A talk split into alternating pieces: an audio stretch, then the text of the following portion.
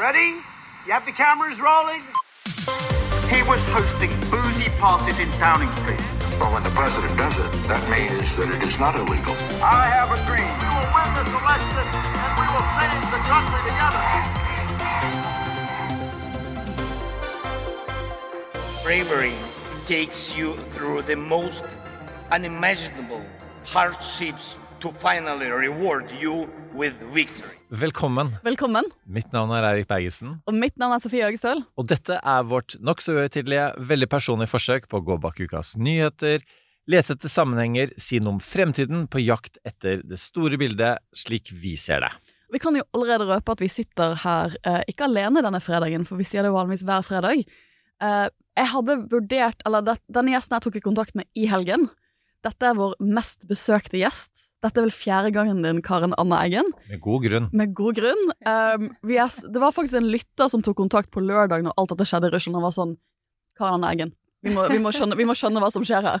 Um, for vi vurderte jo å gjøre en breaking pod uh, veldig sterkt, litt fordi at det var lyttere som var sånn Hva skjer?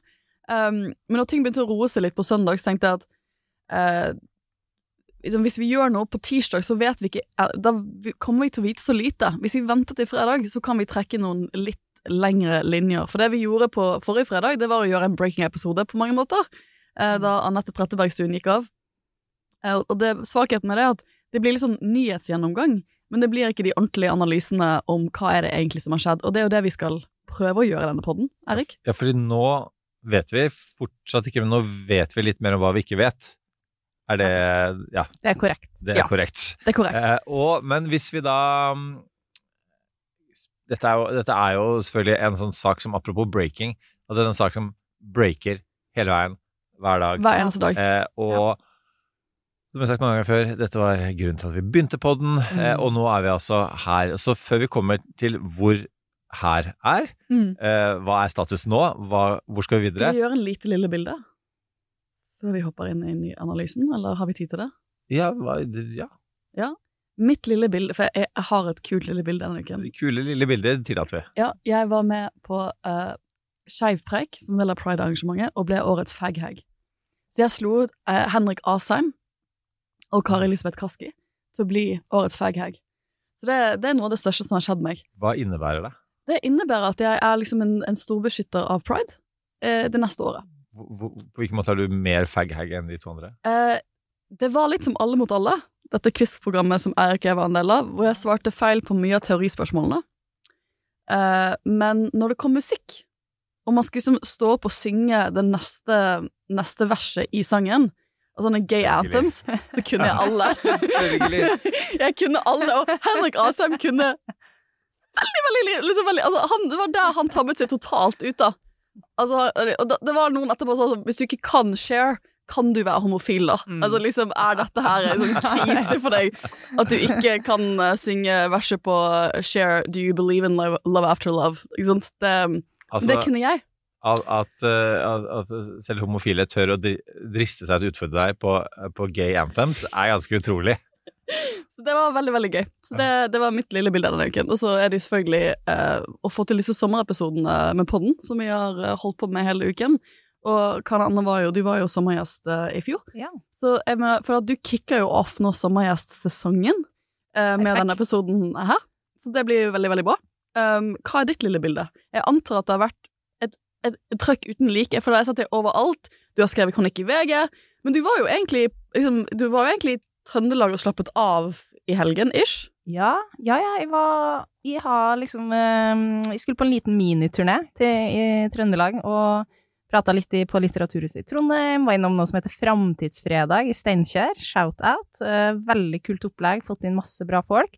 Eh, vi trøndere så liker jo å skryte og er jo småkonger, så vi har jo allerede claima det her som den neste Arendalsuka. eh, bare så dere vet det. Nei, og så har jeg invitert flere venner til Trøndelag. På litt sånn festivalstemning. Nå skal vi, vi skal vise dere rundt i Snåsa, um, som er der jeg er fra. Så jeg fikk til det òg, men eh, det ble mye scrolling og Var, var vennene dine litt sånn Selvfølgelig er vi på Har hun dratt med oss til Trøndelag på sånn festivalsommergreie, og så skjer det masse ting i Russland, og her er hun liksom på mobilen. Og liksom bare refresh, refresh, refresh. Det var ganske mye forståelse. Og så slo jeg av telefonen-ish etter klokka åtte. Sånn. Altså, det vil si, jeg la den til sides, og så drakk litt øl. Ja, For Så- innen klokken åtte på lørdag så var jo dette på mange måter over. Mm. Da, da jeg så Dagsrevyen, jeg, liksom, jeg så på TV hele dagen, føler jeg. Eh, og, da, og da, i løpet av Dagsrevyen, så kommer meldingen om at de har inngått et eller annet forlik. Mm. Og så kommer det mer og mer informasjon om at det er faktisk det som har skjedd. da. Ja. Men nå, nå, nå forgriper vi eh, forløpet her. For Eirik og jeg snakket om at eh, jeg tror mange av oss har jo fulgt med litt på Wagner-gruppen i løpet av det siste året. Jeg tror de fleste av oss har registrert at det har vært en del saker det siste månedene om at lederen for denne gruppen har vært misfornøyd med Putin, at han har holdt mer og mer utagerende taler. Men jeg tror for de aller fleste av oss så var det et sjokk å våkne opp eh, til nyheten på lørdag om at det er et eller annet pågående kupp i Russland, eller et pågående forsøk på å bryte opp en del av militærstrukturen. Jeg vet ikke, hva, hva tenker du, hva, hva skal vi kalle det som skjedde på lørdag, hvis vi kan begynne der? Det er jo uh, kalt litt forskjellige ting. Det starter jo med kuppforsøk. Det var faktisk det jeg våkna. En kollega sendte i capslock en melding bare 'Du må våkne, det er kuppforsøk i Russland'. Og jeg bare 'hæ, hæ, hva skjer?' Um, men uh, Tenkte du bare sånn altså, um, Var dette høyt på lista di over mulige typer kuppforsøk? Nei, det, det var det ikke. Jeg, eh, jeg har jo fulgt med Prigozjin og uttalelsene, men har vel, som veldig mange andre, undervurdert uh, altså den, den uh, Hvor langt han har vært villig til å gå for å um, Ja, om Han fremstiller det jo som at det var et forsøk på å rydde opp i det uh, militære forsvarsledelsen, men det hører jo med til historien at Prigozjin er jo først og fremst en person som mest sannsynlig tenker på seg sjøl, sin egen posisjon. Um, men samtidig som han har vært et talerør for mye sånn misnøye knytta til eh, forsvarsledelsen i Russland og eh, utviklinga på slagmarka i Ukraina. Men Ja, ja mennene. Hva var mennene? eh, mennene var egentlig et svar på spørsmålet ditt, og så glemte jeg det jeg sa men, eh, for jeg prata, meg litt bort. Eh, men har nok ikke forventa at det skulle gå til det her steget. Eh, det har blitt kalt mytteri i ettertid, men òg et væpna opprør. Eh, Rebellion har blitt brukt på engelsk. ja, og det kan jo Men ikke sant? Eh, de her er det veldig mange ulike Han selv mener jo at det var ikke et forsøk på å tople Putin. Eh, det var liksom Han ønska en samtale og krevde eh, forsvarsminister Sjojgus avgang og eh, sjef generalstaben Gerasimovs avgang. Men det er mye, mange menner her. Det er jo helt naturlig, fordi at vi vet vel fortsatt ikke selv sånne som deg, som er så sentralt plassert på informasjonen, hva, hva som faktisk har skjedd. Men hvis vi går litt tilbake på begynnelsen av og Prigozjin i seg selv, eh, kan du si noe om på en måte Altså, mange har sett disse her eh, videoene hvor han måtte tilsynelatende har, har blitt mer og mer eh, engasjert, animert, jeg vet ikke hva man skal kalle det, men så begynte han begynte der òg, på en måte. Ganske høy intensitetsnivå i utgangspunktet. Eh, og så har mange hørt han omtalt som Putins kokk osv. Men eh, hv- eh, hvem er han, og hvilket forhold har han til Putin? Eh, Det er nok eh, Hans historie er jo ganske unik. Jeg har tenkt på det flere ganger, også i den kronikken jeg skrev. Altså at du, du har en person her som har gått fra med litt sånn eh, små slash medium kriminell, sitte i fengsel i flere år, eh, og så fått en fot inn eh, hos Putin, bygd seg opp som da det han er oftest omtales som, som i, i norske og andre medier, som Putins kokk. Eh, Starta et sånt cateringselskap, eh, og begynte jo å bygge seg opp en ganske stor, eh, stor formue gjennom det. Men kanskje det egentlig han er Jeg vil si at der han ble kjent for oss, var jo gjennom det her Trollfabrikken. For i det, det store firmaet hans så har han jo òg en sånn medieavdeling. Uh, og den er jo blant annet det som har styra trollfabrikkene i St. Petersburg, eh, som jo er, er anklaga for å ha eh, vært og Hacket uh... Ja, ikke sant, vært og på, påvirka da det amerikanske valget mm. i 2016. For det, rett og slett, det kan spores ganske direkte til han, det. Det som altså Ja. på en måte ble kalt Russiagate, og, og som Mm. eh, var eh, årsaken til den mulige rapporten, og som Ja. de klarte på en måte ikke å, å ta Trump på, på, på noe kriminelt, men at de fastslo ganske tydelig at eh, Russland hadde påvirka valget. Ja, ikke sant? De gjorde det. Og eh, det var jo på en måte igjen Og det er jo det som er vanskelig med det Ivo sitter og skriver doktorgrad om òg, ikke sant? Informasjonskonfrontasjon, hvordan Russland bruker det her domenet. Det er veldig mye um, Altså deniability, at um, At det er vanskelig å peke på noen og si 'det var du som gjorde det'. Det, små, ehm, det rykende geværet. Eh, det, det er veldig vanskelig å, eh, å liksom sette på bordet og si det her er det som har faktisk skjedd.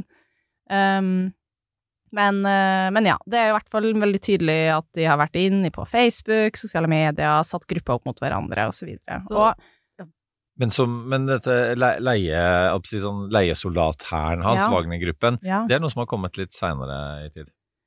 Ja, altså etter hvert så eh, ble jo han sammen med en annen eh, leder for de her Wagner-gruppa, eh, som i lang tid eh, de russiske myndigheter har benekta at eh, de har egentlig noe med å gjøre, det her er en privat hær, eh, men det har jo hele tida vært spekulasjoner og ganske godt dokumentert, og at det er det er starta av Putin og finansiert av Kreml og over det russiske. Eh, Og det var en av de tingene vi fikk en bekreftelse på Ja. denne, fra Putin. At han har, han har en finansiell kontroll over denne gruppen. For fra mitt sånn forskerperspektiv så kjenner jeg til Wagner-gruppen som en krigsforbrytergruppe. Som har deltatt i diverse internasjonale konflikter. Og det er det I- virkelig. Ja, ikke sant. I Syria, i um, de, har vært, eh, de er tett inne i Vest-Afrika nå. Det er en lang artikkel i New York Times i dag om hvordan en del vestafrikanske land som har brukt, eller en del afrikanske land som har brukt de for sikkerhet, hvor regimene har brukt de for, for, for å gjennomføre sikkerhetsaksjoner, um, har, vært, liksom, har gått frem og tilbake denne uken sånn, kan vi bruke det? Hva betyr det at han har måttet, liksom, er i eksil nå, kan vi fortsette å bruke denne gruppen? Um, mens de liksom, mens liksom, da russiske myndigheter og gjennom ambassaden vært sånn her, det er liksom, jeg kan fortsette å bruke disse gruppene. Men det, men det er jo litt sånn, jeg, jeg tror jeg nevnte på podden for noen uker siden at jeg var med på å dele ut en menneskerettspris til en uh, ukrainsk gruppe som heter Truth Hounds, som dokumenterer uh, krigsforbrytelser i Ukraina. Og det de har gjort til dels, er å gå etter spesifikke Wagner-soldater Mm. um, og uh, kartlegge hvordan de har gjort krigsforbrytelser i Syria. Du, kan, du kan se en enkeltperson og hvilken type grusomheter de har vært med i flere konflikter nå, Ja. Som da leder de inn i Ukraina. Liksom. Det er jo bakdev, det er jo deres, det er jo derfor de hadde så mye trening Mm. og var så viktig, sånn som jeg skjønte, når Ukraina-krigen når, når først den fullskala-invasjonen var et faktum. Mm. Um, så det er jo sånn jeg kjenner han, og jeg syns det er fascinerende at han da har, har denne bakgrunnen som småkriminell, men det er jo litt av den Wagner-gruppen har jo rekruttert aktivt fra fengsler, så det, det, det, Mm. han spiller jo på fengselbakgrunnen sin her også.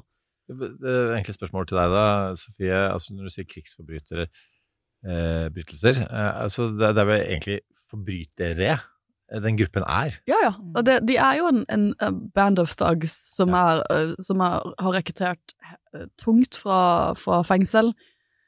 Um, og som, som er uregulerte og opererer da, nettopp fordi at det ikke er en statlig gruppe, å kunne operere litt i en sånn juridisk gråsone som andre sånne leiesoldater har gjort. da, De er jo ikke originale. Du hadde jo under Irak og Afghanistan-krig, så hadde du Blackwater, for eksempel, som det var knyttet mye diskusjoner om eh, hvordan de ble brukt av eh, amerikanske militære i sin tid.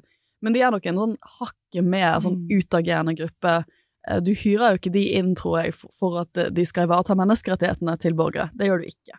Eh, men de, det er jo veldig interessant og urovekkende å se hvordan de blir brukt i mange land akkurat nå. Så dette, har, Ja. dette påvirker jo ikke bare Ukraina-konflikten, det påvirker andre konflikter. Absolutt, og, og det er et veldig viktig poeng du peker mot der. Altså at Wagner-gruppa for den russiske staten, selv om de har prøvd å ha den armlengdes avstand, eh, har vært et veldig viktig utenrikspolitisk verktøy for eh, Putin. Eh, ikke sant? De kan brukes som bodyguards til liksom eh, påvirke valg, til eh, bistå noen med å, å utføre eksempel et kupp eh, i et eller annet land. Eh, og og gjennom Wagner-gruppa så har jo eh, Russland òg utøvd innflytelse.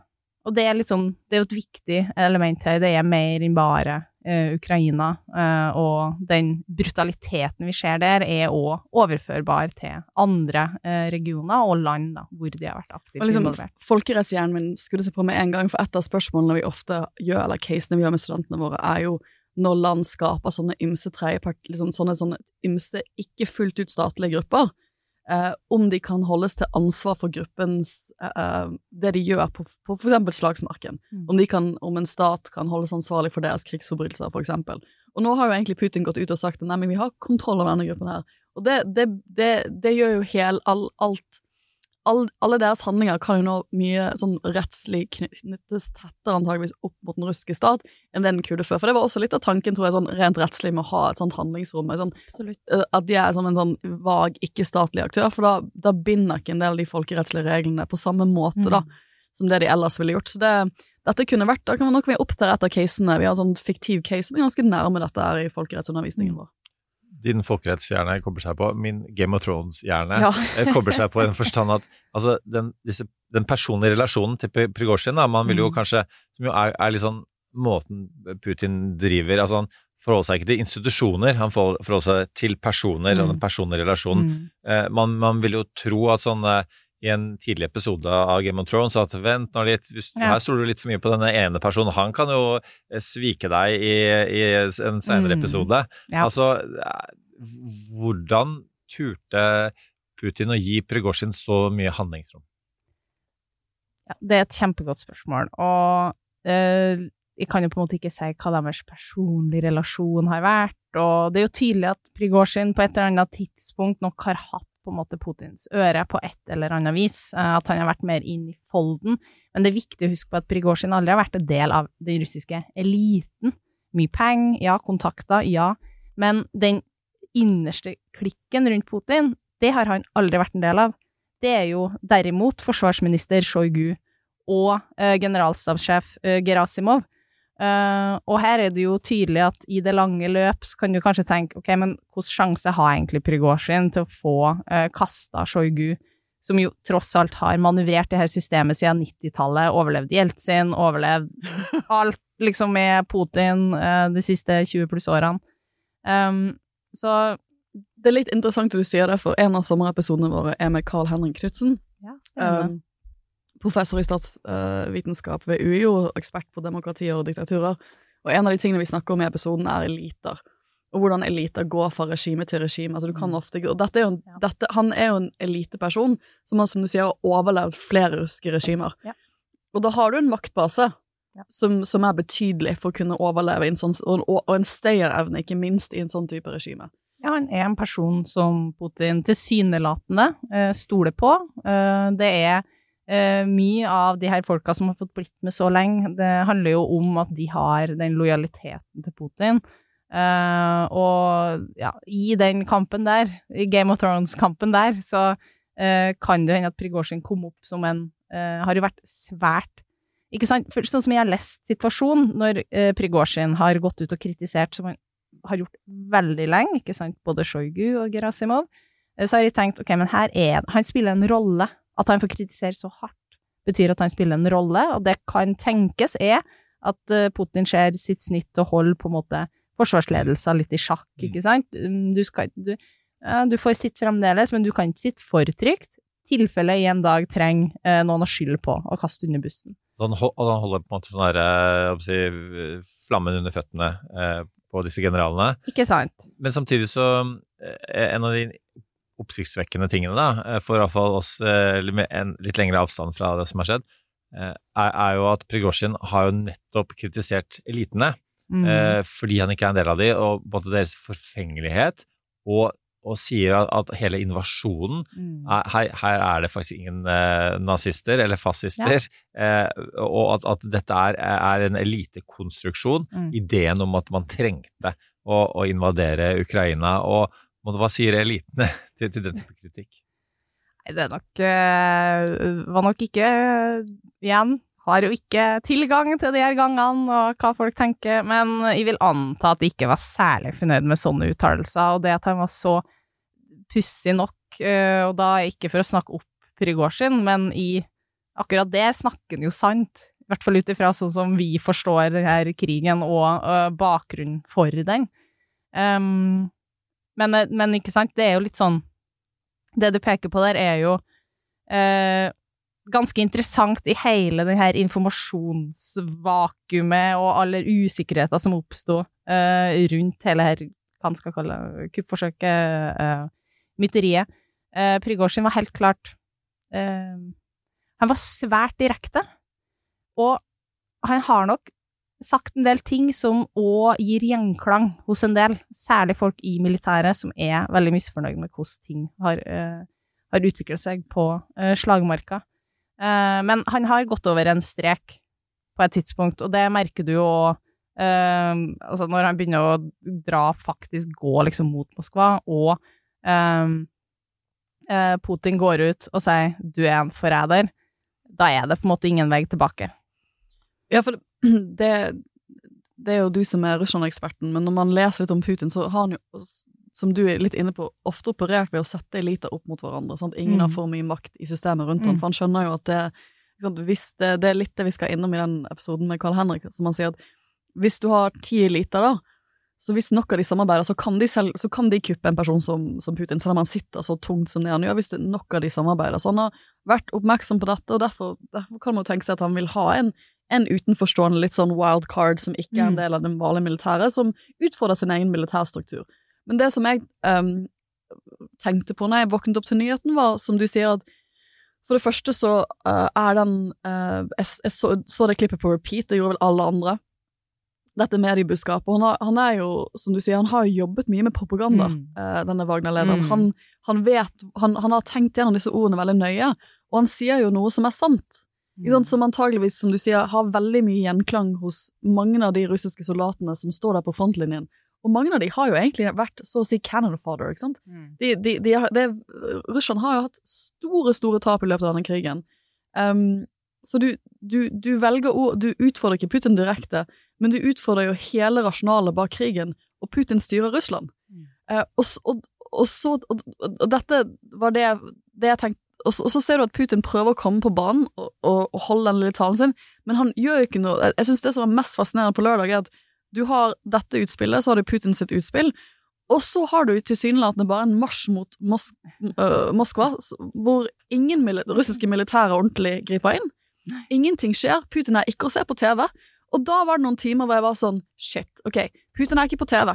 Eh, det er ingen Hvorfor liksom Man kan se denne kolonnen. Hvor er det russiske militæret? Mm. Uh, hvor mange i det russiske militæret har han samarbeidet med? For det er det store spørsmålet. Hvor mange andre eliter har han fått med på dette her? Om noen, ikke sant? Mm. Uh, og, det, og, så, og så plutselig da har et eller annet skjedd, disse forhandlingene med Belarus. Men, men det at de bildene av at ingen kom for å avverge dette fra russisk Ja. militærside, det syns jeg er veldig spennende. Og at Putin Putin er jo nå ute blant folk på en måte han ikke har vært siden covid. Nå kysser han jo barn og sånne ting, og liksom er ute blant folk. Men, men han var jo ikke til stede på lørdag. Nei. Og ingen gikk ut i gatene for å forsvare han eller demonstrere på hans vegne heller. Nei, og det der tror jeg nok er det vi kommer til å prøve å finne ut mest av framover. Eh, Det florerer jo ulike versjoner. Det er alt fra at eh, de ble tatt på senga og ikke visste hva de skulle gjøre, at det er rett og slett den litt av den apatien som har blitt bygd opp over mange, mange, mange år, ikke sant, uh, gjorde seg uh, gjeldende. Uh, Det er òg snakk om at eh, em, Ok, men lokalt så var det litt sånn Hva skal vi egentlig gjøre med det her? Her er et Moskva-problem, de får bare kjøre på videre. Um, og så har du jo eh, de òg som snakker om at eh, jo, men eh, eh, Putin og Kreml ha, og FSB, eh, GRU, ikke sant, at de har informasjon om det her, men at de tenkte nå skal vi bare lette han få gå vi, eh, liksom tur fram, eh, og gjennom det, ikke sant, gjør han usikker på Fordi det er jo spekuleres jo i Trodde han at han skulle komme så langt? Um, men ja, at, at they called us bluff. At han, ikke Ja. trodde, at han trodde at han skulle eh, ta den ene militærbasen, og så ville de begynne å forhandle med han, og så ville et eller annet annet skje. Ja, ikke sant. Men igjen da, og det er igjen da litt som vi skrev i den kronikken, at det i alle her ulike teoriene som florerer, så har jeg veldig problem med å forstå hvorfor eh, Putin, som er så opptatt av kontroll på hjemmebane Kanskje har han blitt mer risikovillig i sin utenrikspolitikk, det ser vi jo i Ukraina, Eh, men det, det er ikke tilfellet på hjemmebane.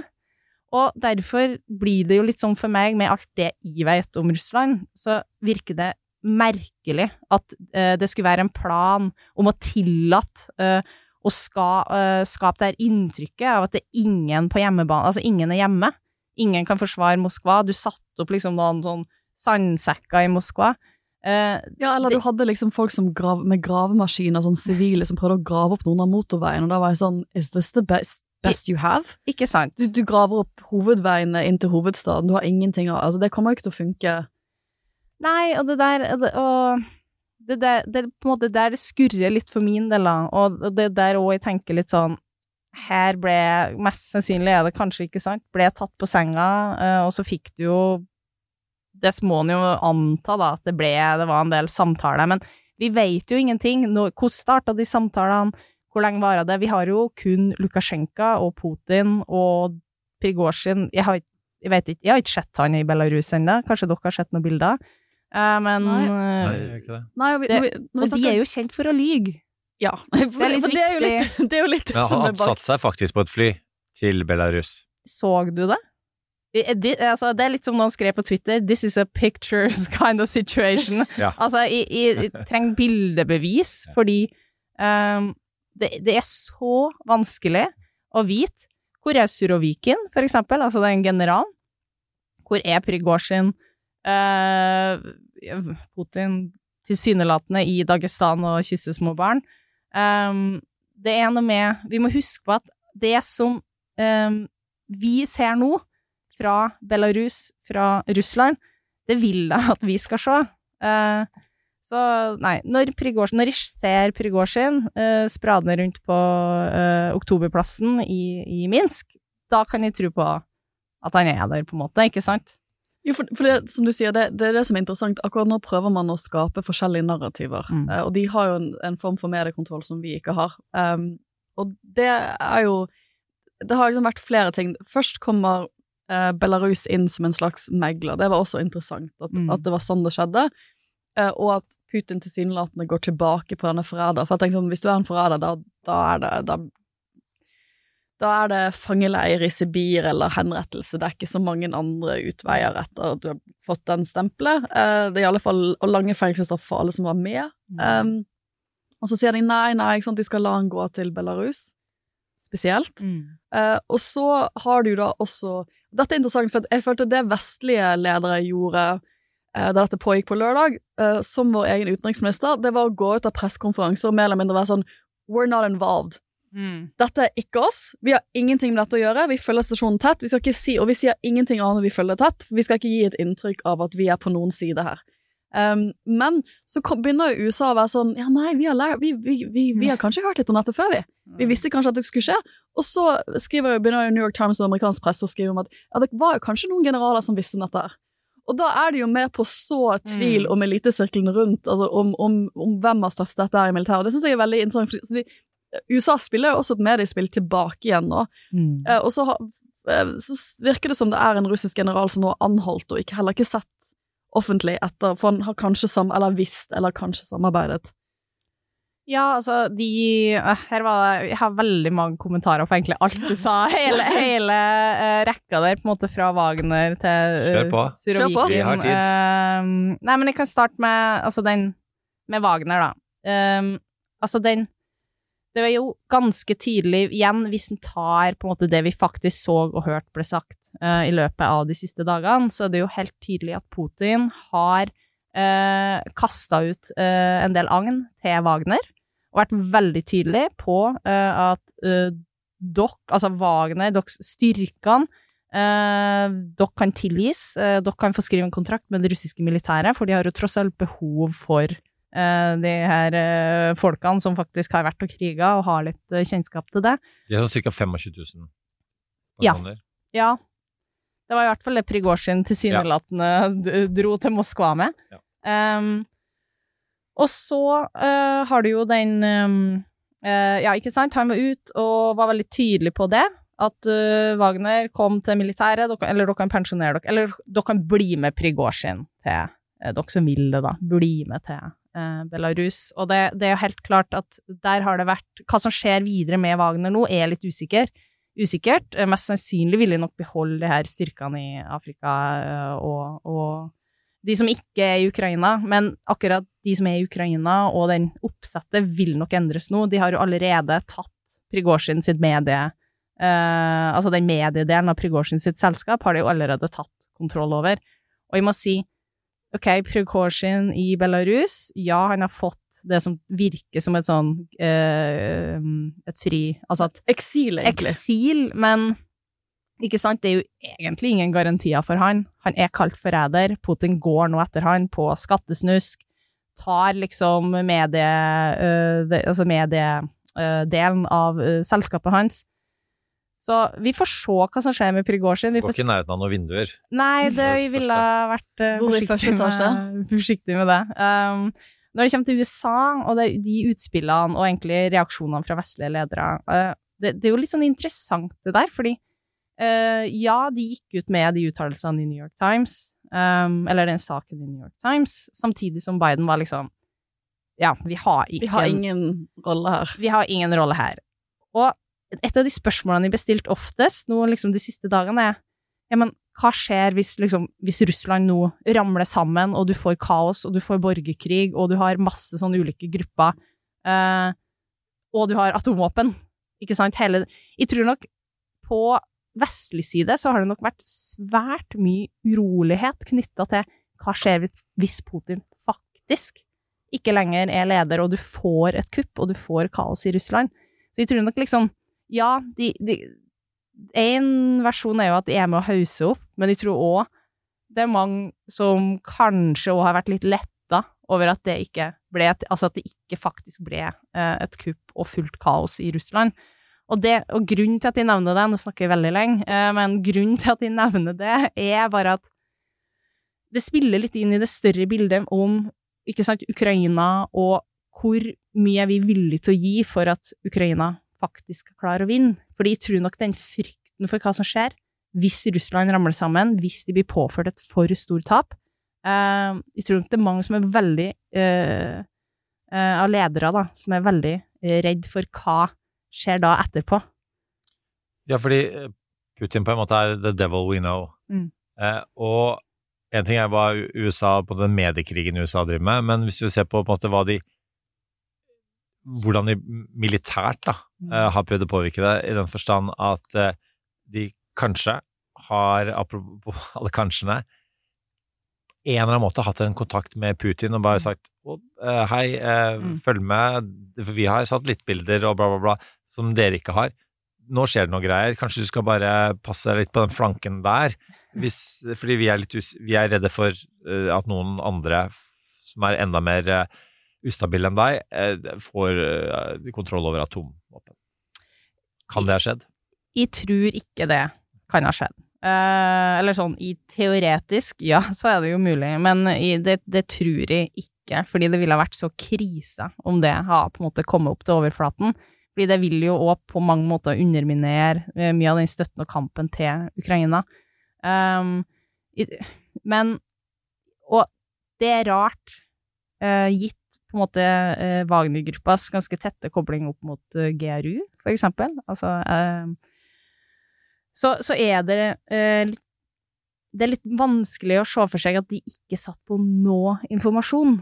Men da er vi tilbake til det som vi òg har snakka litt og skrevet om før, at i det russiske systemet altså, det er grunn til å stille spørsmålstegn om de i hele tatt evner på en måte å absorbere og videreformidle informasjon, at det kommer helt opp til toppen. Mm.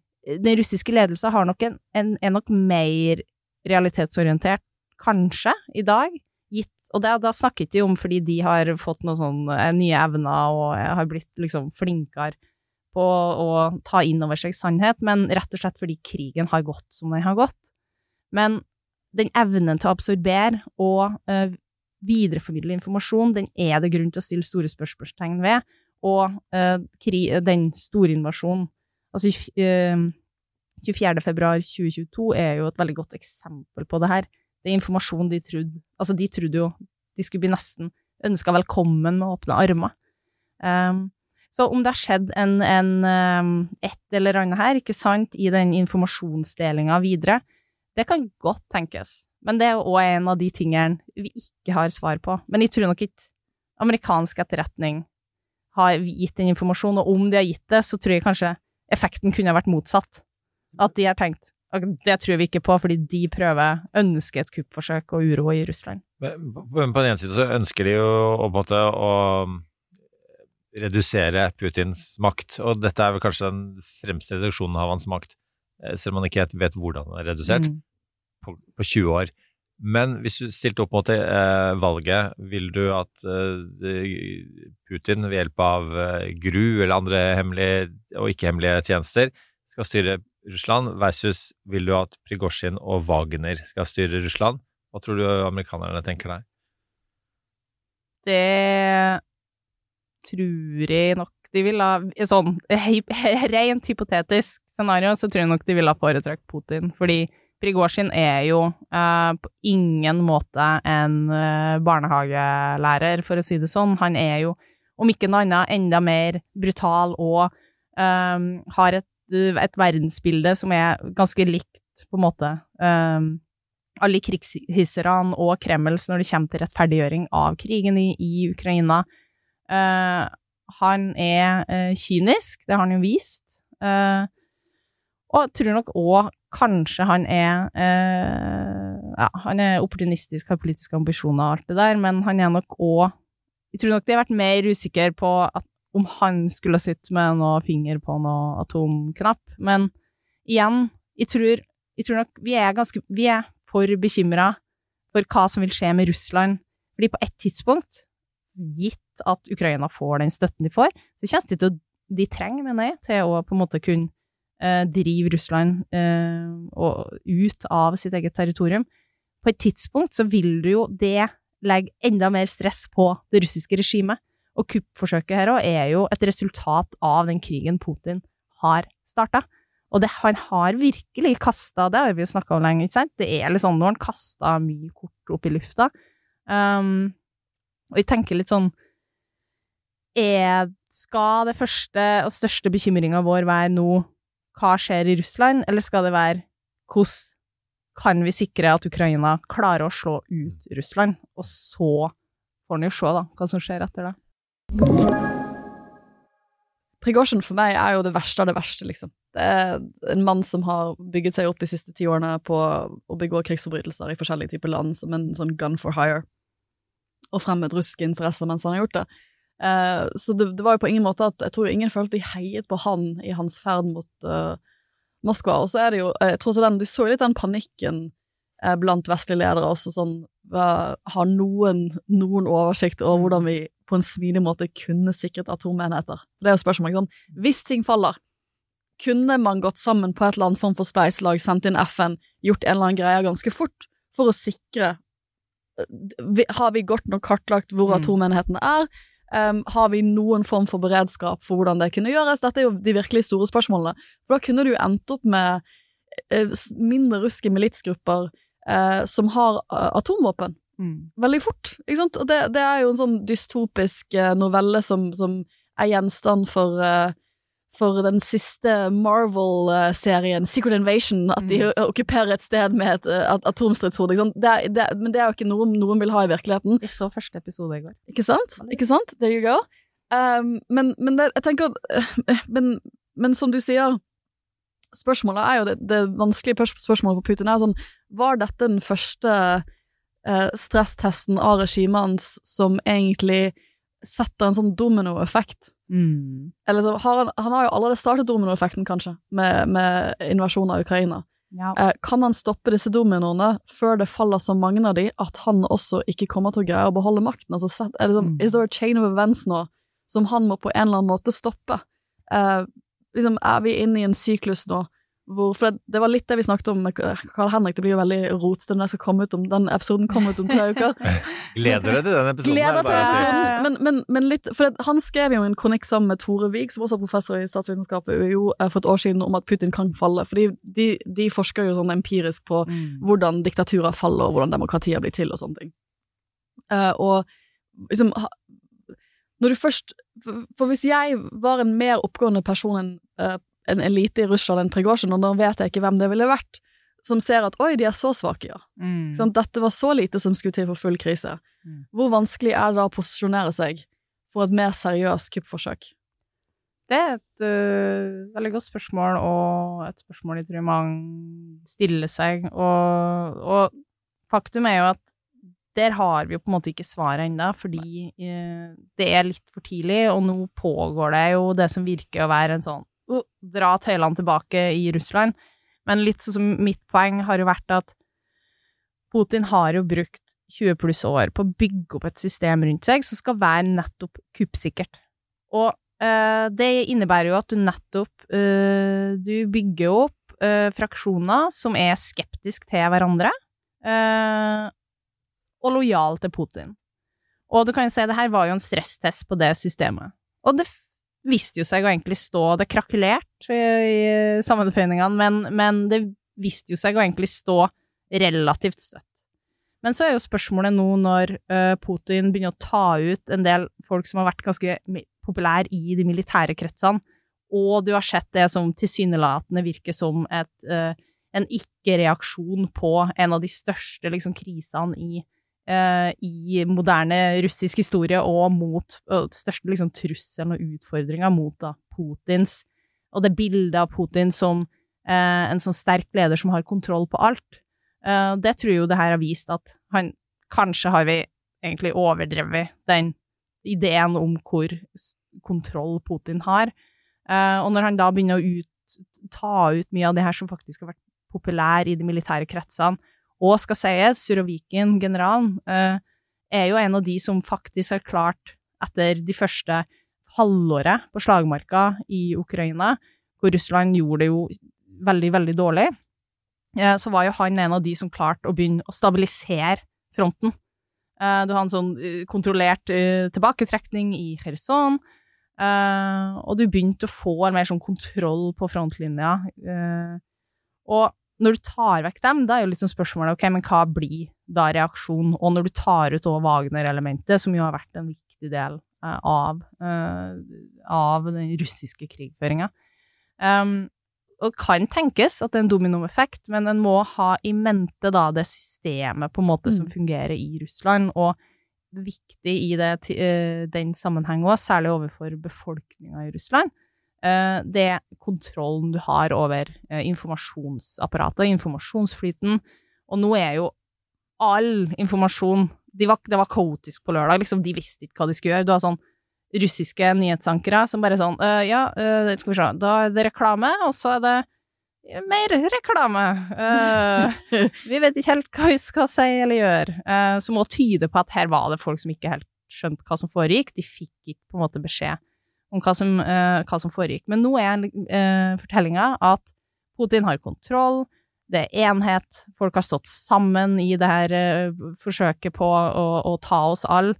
Um, og det, det kan jo hende det funker, og at han Dette her kan skure og gå, ikke sant, i mange år, men det er flere ting som er kasta opp i lufta nå, og Putin står mindre trygt i dag. Jeg, jeg synes dette var egentlig mitt neste spørsmål til deg, om befolkningen, for jeg tenker det som igjen, hvis vi går tilbake til Prigozjin sin tale eh, lørdag morgen, eller eh, det klippet av han, så er det jo å gå direkte på denne fortellingen. Eh, han, han, han snakker jo ganske sant om hvor feil krigen har vært for russisk side, Eh, spørsmålet er hvor mange vanlige russere som har sett dette.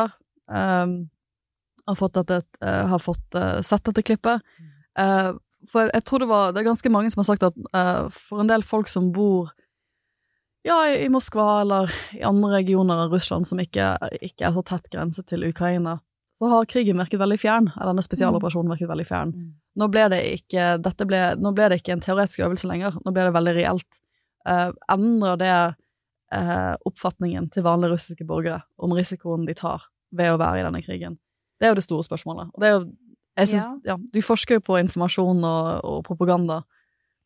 Ja, altså, i Putin, når han kom til makta, så var det jo litt sånn Han skulle øh, være en garantist for øh, økonomisk øh, vekst, øh, for og, og, på en måte føre Russland tilbake til den ikke sant, til den stor, eh, storheten, stormakta, som de jo uh, mener de er og, og krever og skal få være.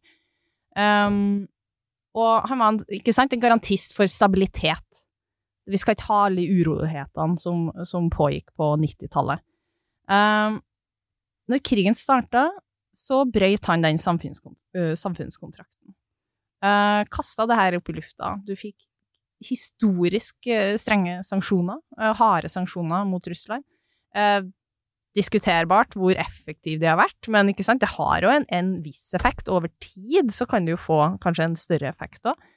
Um, og med mobiliseringa så, så tok du òg vekk den, den stabilitet, stabiliteten, men også krigen i seg sjøl. Men eh, jeg tror kanskje den Nå kommer krigen i, inn i folks hjem. Eh, den starta nok med den mobiliseringa han At, at har folk i måtte stille til militæret. ja, ikke sant. Ja, at folk ble innkalt, og at nå, uh, nå må folk komme, ikke sant, og, og til frontlinja og krig for landet sitt. Ja. Eller de kaller ut til krig, det er fremdeles en spesialoperasjon.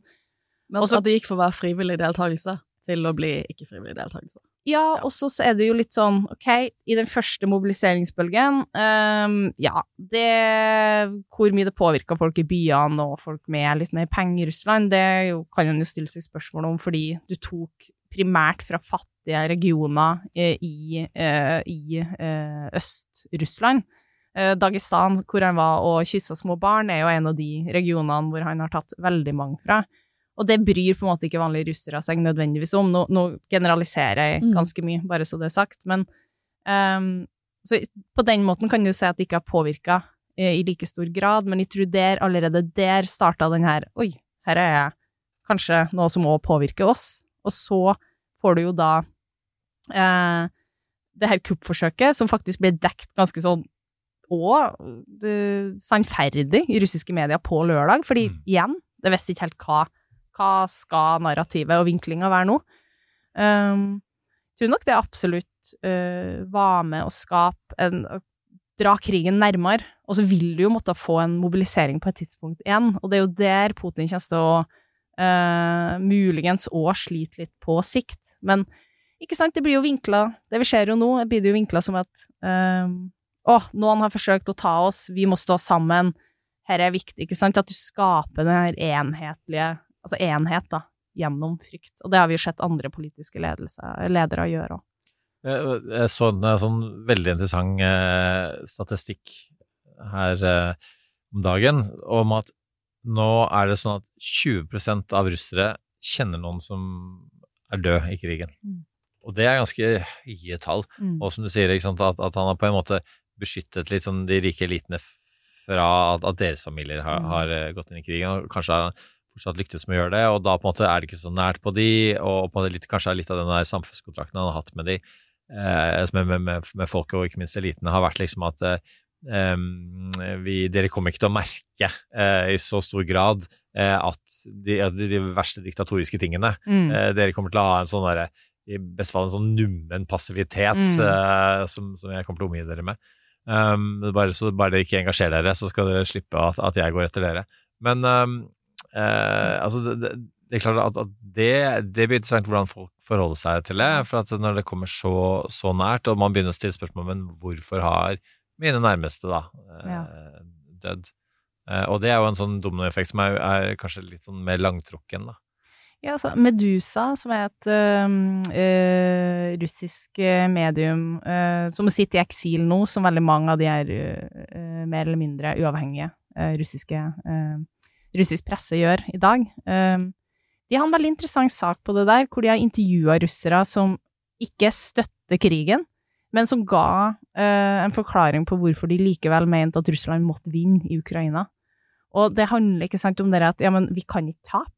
Det, det er litt sånn, det er den, den tankegangen der, ikke sant, om at Russland er stort, Russland er uslåelig, eh, og at når du først har gått inn, så er det, det er vanskelig å se for seg at det her på en måte skulle kunne lede til at Russland taper, fordi da får jo konsekvenser for dem, ikke sant? Um, og jeg tenker jo litt sånn, jeg husker en video så godt jeg så, eh, og det her er jo et år siden, men det var en begravelse i en sånn liten by i Russland, hvor de begravde da eh, sønnen sin, uh, som har dødd, to foreldre, uh, og han ble gravlagt ved sida av, av bestefaren sin, som kjempa i andre verdenskrig.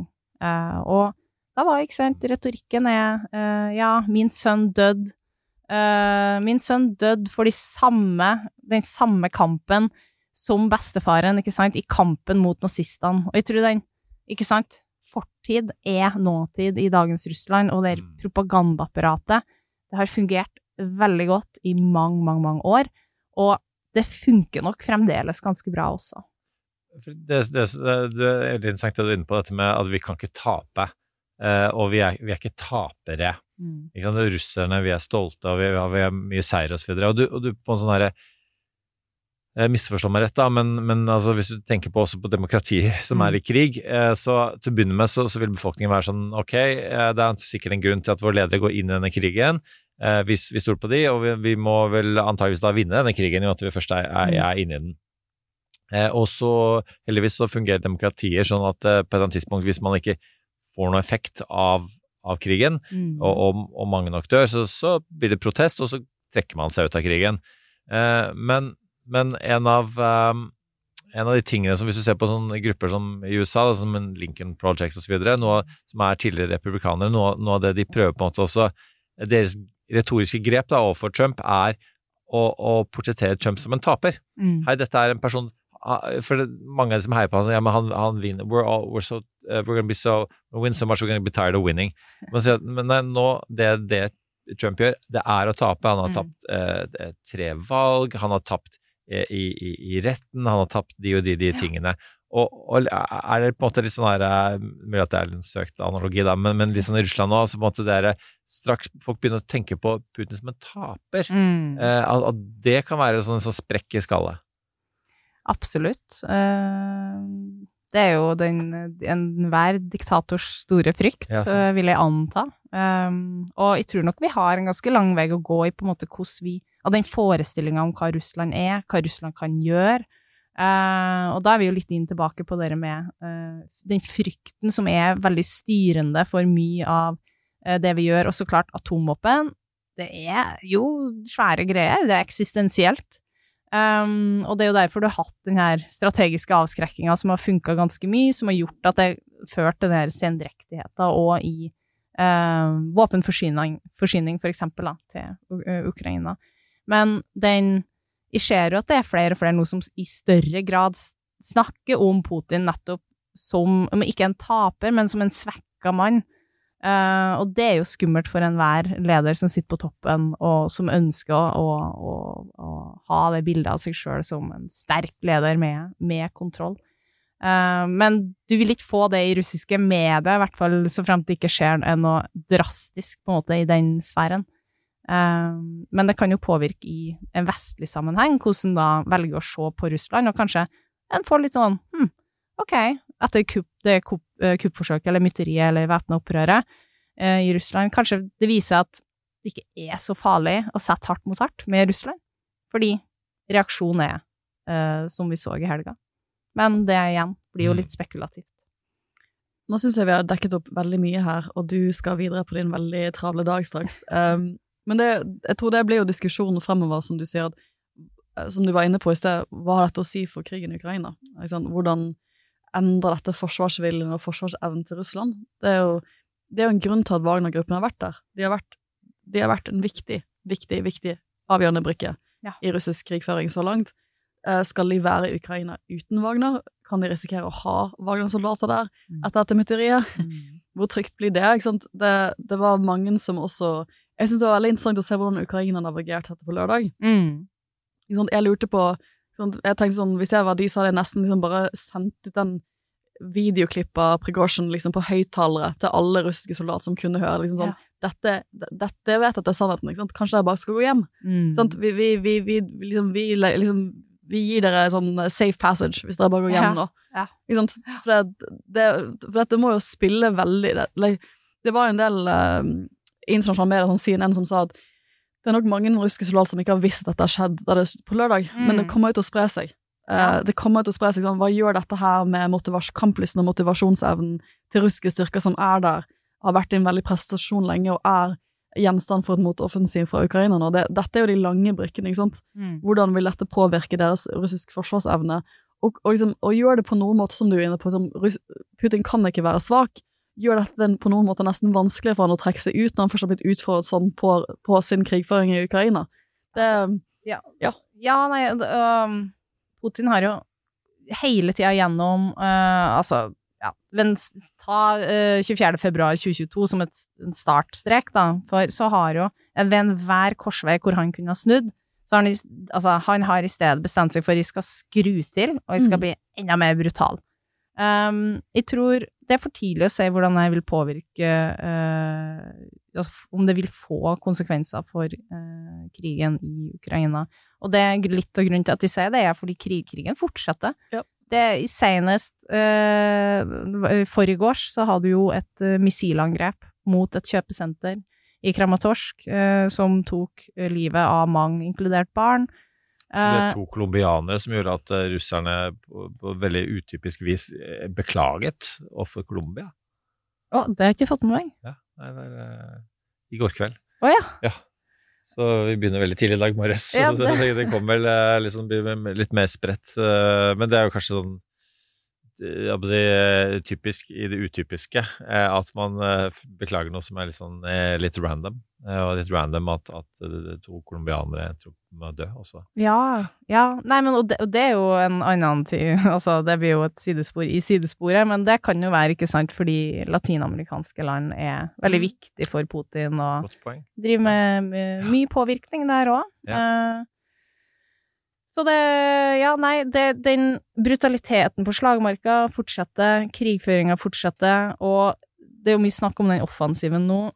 Mest sannsynlig så har på en måte Ukraina ikke satt inn alt. Eh, eller, de har ikke satt inn alt. De har av utstyr og personell som de har brukt lang tid på å trene opp. Men tilsvarende har òg Russland brukt lang tid nå på å grave seg dypt ned. Flere forsvarslinjer. Um, de har minelagt altså helt enorme områder. De sprenger en dam, som jo fører til en av de største altså økologiske, humanitære, økonomiske krisene. I hvert fall for Ukraina, men økologisk også sånn i verdenssammenheng.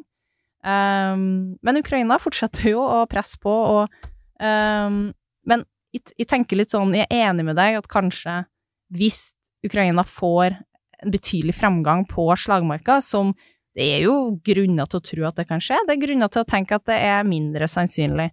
Uh, men det er jo òg uh, viktig å ha um, det i mente, at ja, kanskje det kan føre deg til um, at du ja, Moralen, ikke sant, at du får en kollaps i det russiske militæret. Men det har ikke skjedd fram til nå.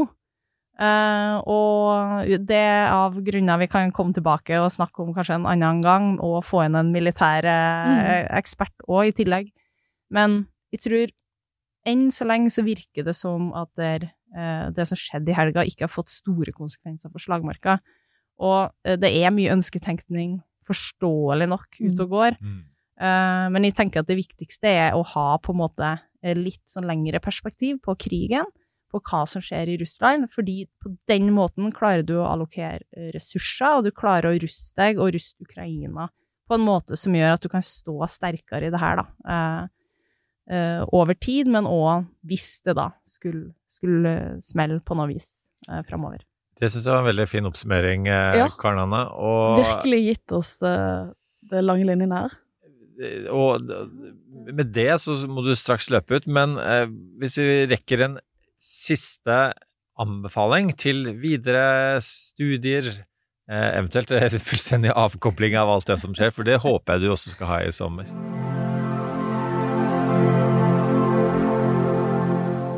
Ja, altså, jeg har litt sånn sen, sein ferieår. Um, nei, altså, videre studier Jeg tror uh, egentlig en oppfordring, tror jeg, så kan jeg komme med en anbefaling etterpå. Men en, jeg har en oppfordring, og det er um, I sånne her situasjoner så er det veldig mye spekulasjoner. Det er så mye informasjon, desinformasjon. Én hendelse kan forklares på fem forskjellige måter. Det er svært vanskelig å øh, orientere seg. Så egentlig oppfordringa er til på en måte ikke puste med magen, og ikke hoppe på liksom det siste tweeten fra en eller annen kul reporter på Twitter.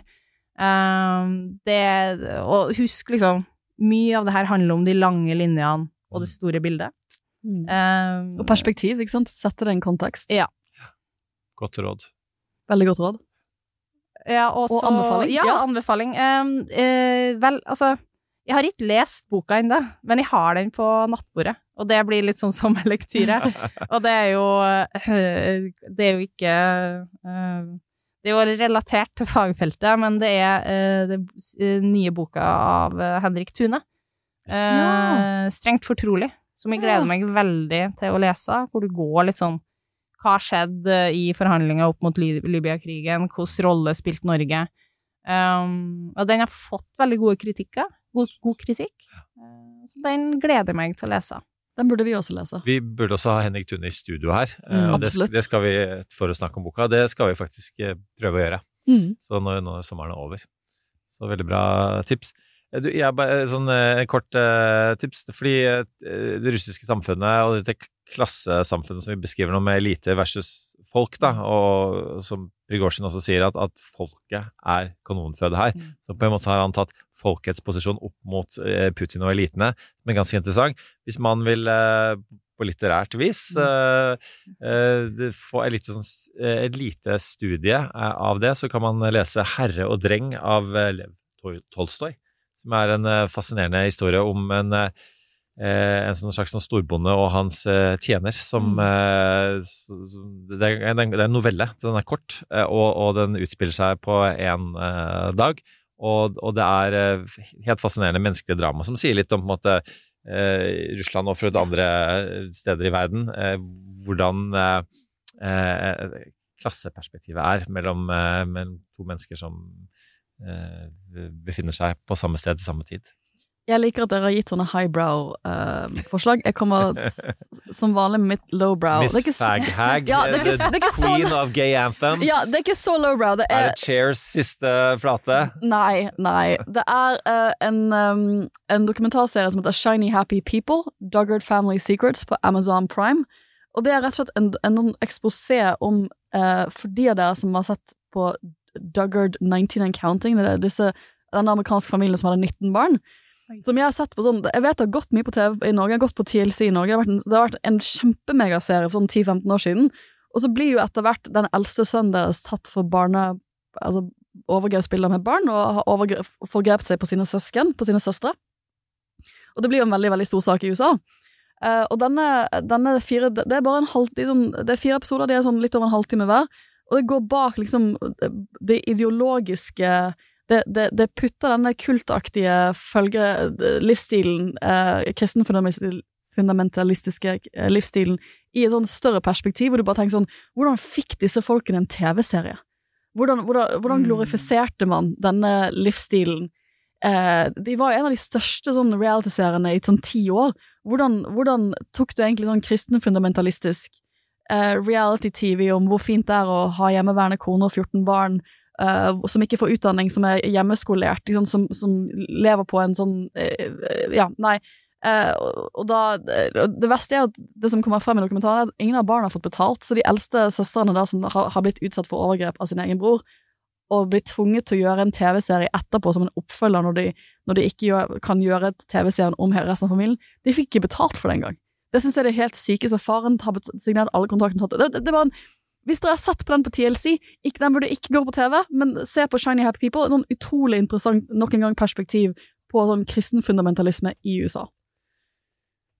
Eh, Det hørtes eh, helt sykt ut. Um, jeg bare kom på en anbefaling. Ja! Ja, jeg, vil, jeg har litt lyst igjen nå etter Ja, dette her. eh, nei, jeg- jeg skal dra oss litt Eller det var jo virkelig ikke, ikke noe positivt, da, så la, oss, la meg dra oss ned uh, ytterligere idet vi går inn i, i sommeren. Men uh, det var bare en bokanbefaling. Uh, Keir Giles, uh, en brite som skriver veldig mye bra om eh, russisk, hvordan Russland opererer i informasjonsdomenet.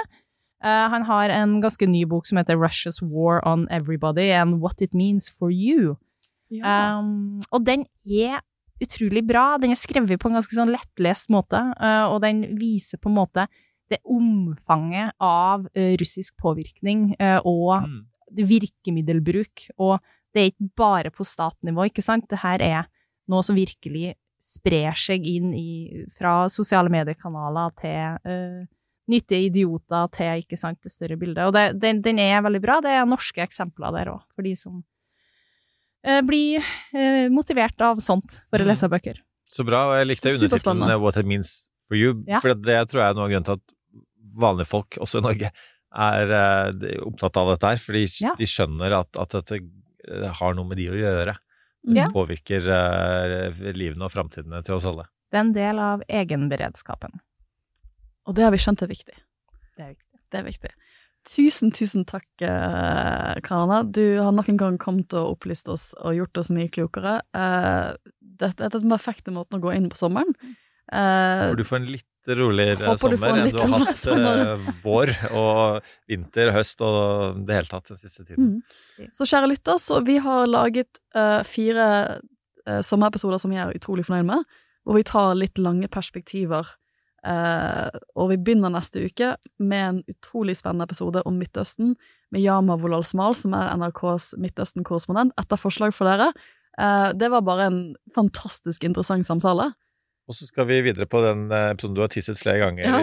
bare i denne podden, Carl Henrik Knutsen, om demokratiet, Demokratiet. store demokratiepisoden.